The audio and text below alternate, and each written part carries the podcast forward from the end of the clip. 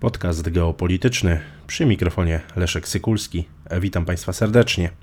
Dziś krótki przegląd spraw międzynarodowych.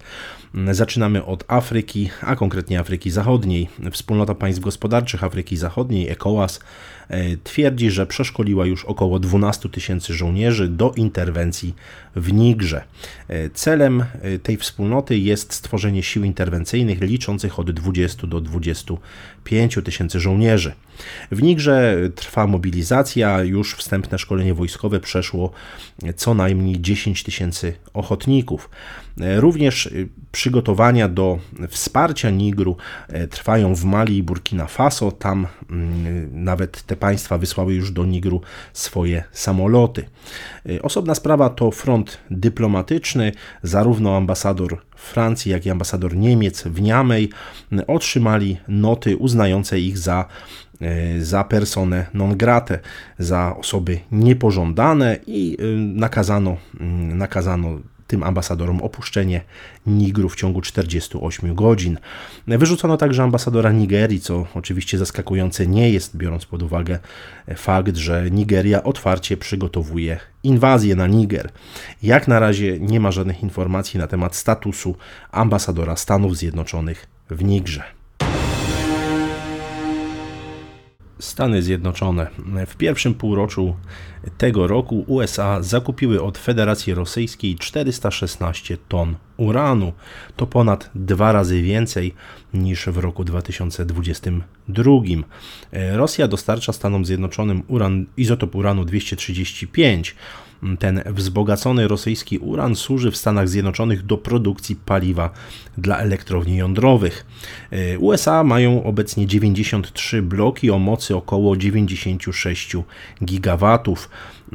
w roku 2022 te mm, bloki wyprodukowały ponad 18% zużytego e, prądu w Stanach Zjednoczonych. E, co ciekawe, Stany Zjednoczone zwiększyły zakupu, zakupy uranu także w innych państwach. Kupują go m.in. w Kanadzie, we Francji, w Wielkiej Brytanii czy w Niemczech. Szukają także innych e, dostawców, wśród których na pewno jest także Kazachstan, największy dostawca uranu na świecie. To ponad 40%.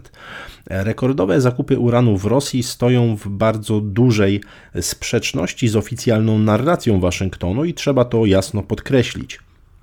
Stany Zjednoczone zmuszają przecież inne państwa do rezygnacji z zakupu e, rosyjskich surowców energetycznych, ale już jeżeli chodzi o swoje własne interesy, to tutaj nie mają żadnych e, wątpliwości e, i jak widać nie mają żadnych, żadnych oporów przed prowadzeniem relacji gospodarczych z Rosją.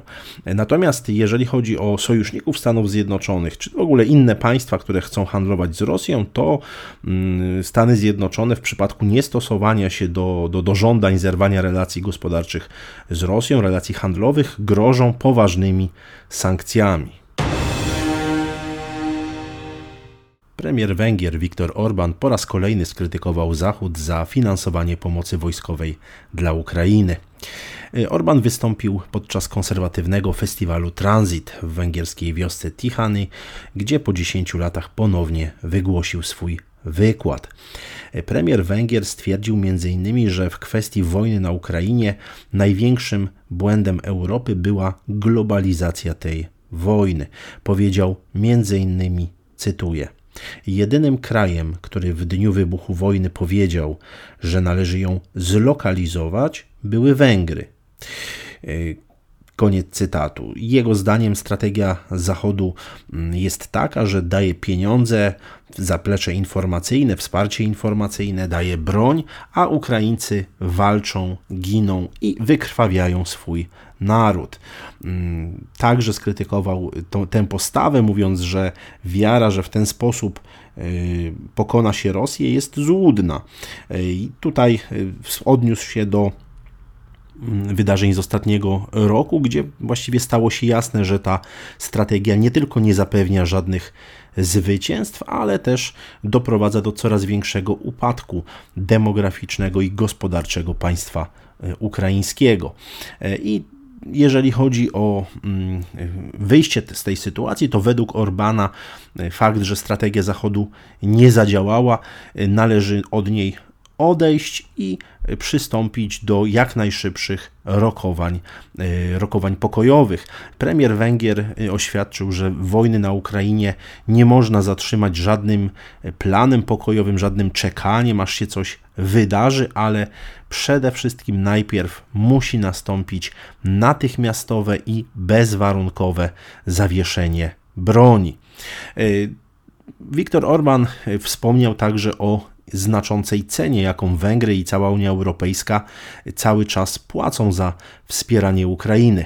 Powiedział m.in., cytuję: Wysłaliśmy już 70 miliardów euro, a teraz dyskutujemy, czy wysłać kolejne 50 miliardów euro, podczas gdy Unia Europejska potrzebuje każdego centa, aby odzyskać konkurencyjność.